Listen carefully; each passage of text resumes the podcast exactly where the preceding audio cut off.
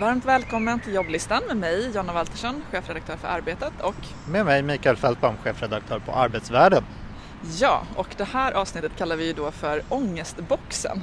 Har du talat om eh, Amazons avslappningsbox Amazon? Jag hade faktiskt inte gjort det förrän du berättade för mig vad det handlade om Jonna. Ja.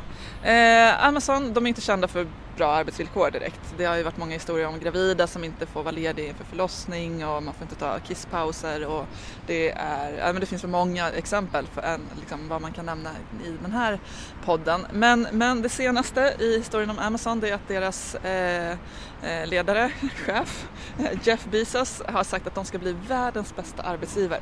Känns väldigt trovärdigt, eller? Nej.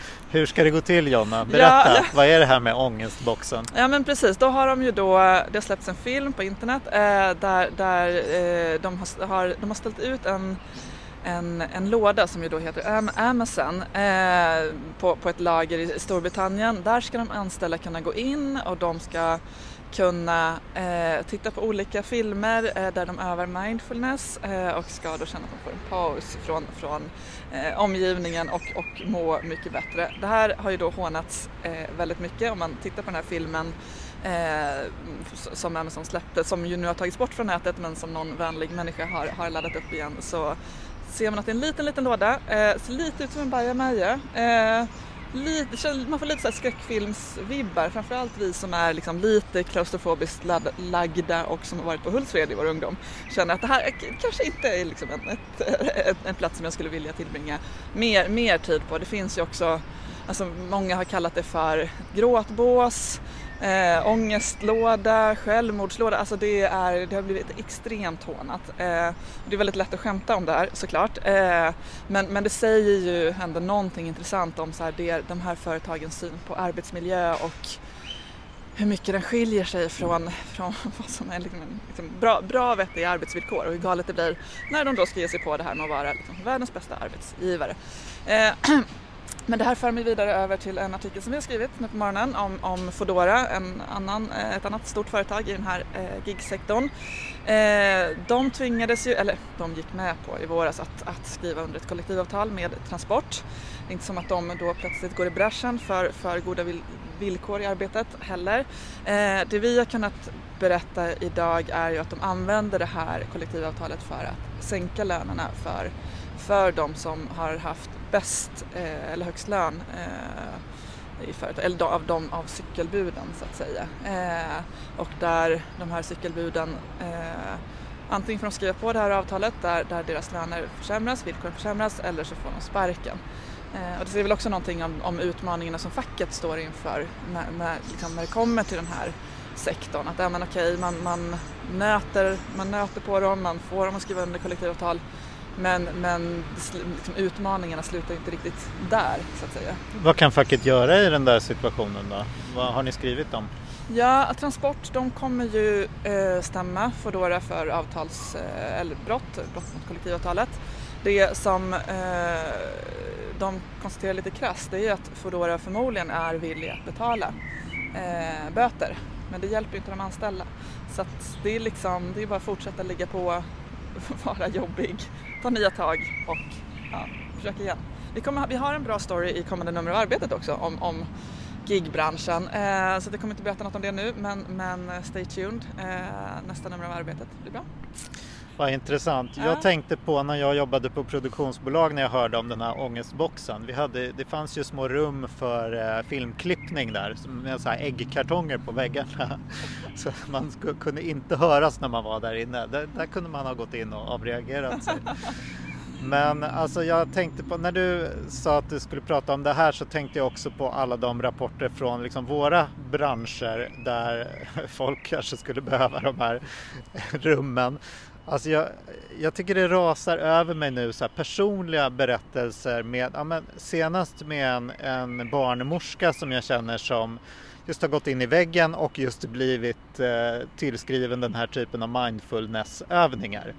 Alltså det är ju, det får kompensera för ett arbetsliv som är ohållbart i längden liksom.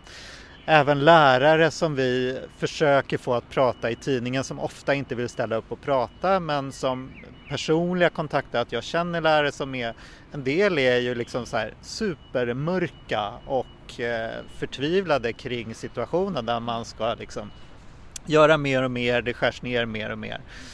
Jo, och apropå det här i lärarbranschen så har ju Ekot uppmärksammat eh, att andelen obehöriga lärare är väldigt hög, särskilt på privata skolor.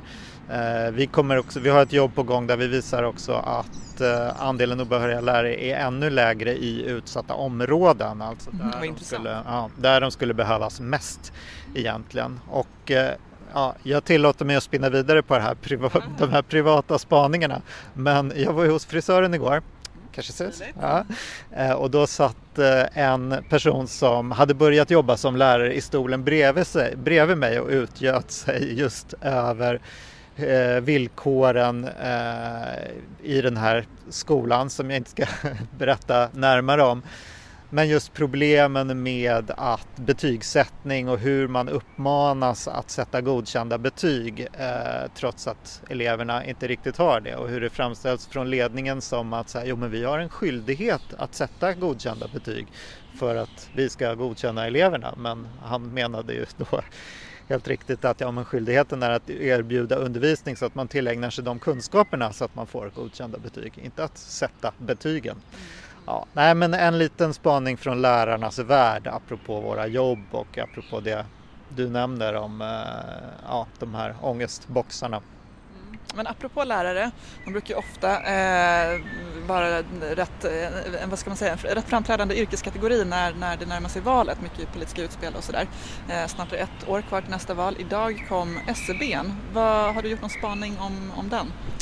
Jag har kollat väldigt snabbt på det. Jag tyckte att det var liksom eh, ganska mycket läget oförändrat om man tänker på ett valresultat. Om man tänker på den dramatik som kan uppstå här efter budgeten kanske om Vänsterpartiet eh, lyckas fälla regeringen eller om det blir ny talmansrunda eller om det blir nyval. Oavsett, alltså det ser svårt ut att komma framåt för majoritetsförhållandena är ganska oförändrade. Även om många partier har det väldigt tufft som till exempel Liberalerna som ju nu tappar både till Moderaterna och till Centerpartiet. Det var ju just Moderaterna man skulle liksom vinna väljare ifrån med det här beslutet och istället så tappar man. Eh, och de ligger ju nu rejält under spärren. Va, vad tänkte du? Ja, men precis. Jag, det jag tyckte var lite intressant att hålla koll på det är, det är Vänsterpartiet som i den här mätningen, de tappar lite grann från den senaste SCBn, går upp lite grann jämfört med, med senaste valet. Där märker ju vi eh, att de, de försöker kapa åt sig socialdemokratiska väljare, särskilt LO-väljare, de kommer ju med flera utspel som, som siktar in sig på dem nu. Eh, de har också tagit fram en facklig politisk plattform där man ju känner igen flera eh, av utspelen från, från LO. Eh, som, som arbetslivskriminalitet och arbetskraftsinvandring och den typen av frågor. Så det ska bli lite, lite intressant att se vad som händer med det. Om, om, Eh, om man lyckas roffa åt sig lite sossar eller om det är liksom vet inte, kört, kört lopp. Det är liksom LO-väljarna som stannar kvar hos S och som inte går över till SD. De är liksom sådana hardcore-sossar eller finns, har Vänsterpartiet en chans? Det, det ska bli spännande att se. Mm. Ja, men jag sa ju tidigare att läget såg ganska oförändrat ut, men om utvecklingen fortsätter, att S tappar ännu mer till Moderaterna och SD, eh, då har vi ju en, ett spännande val framför oss och eh, blir det regeringsskifte så kommer ju du och jag få väldigt mycket att skriva om den närmsta perioden i alla fall. Det finns ju många förslag på arbetsrättens område. Det stämmer och med det så kanske vi ska sätta punkt för idag. Tack för nu. Tack för nu. Hej hej.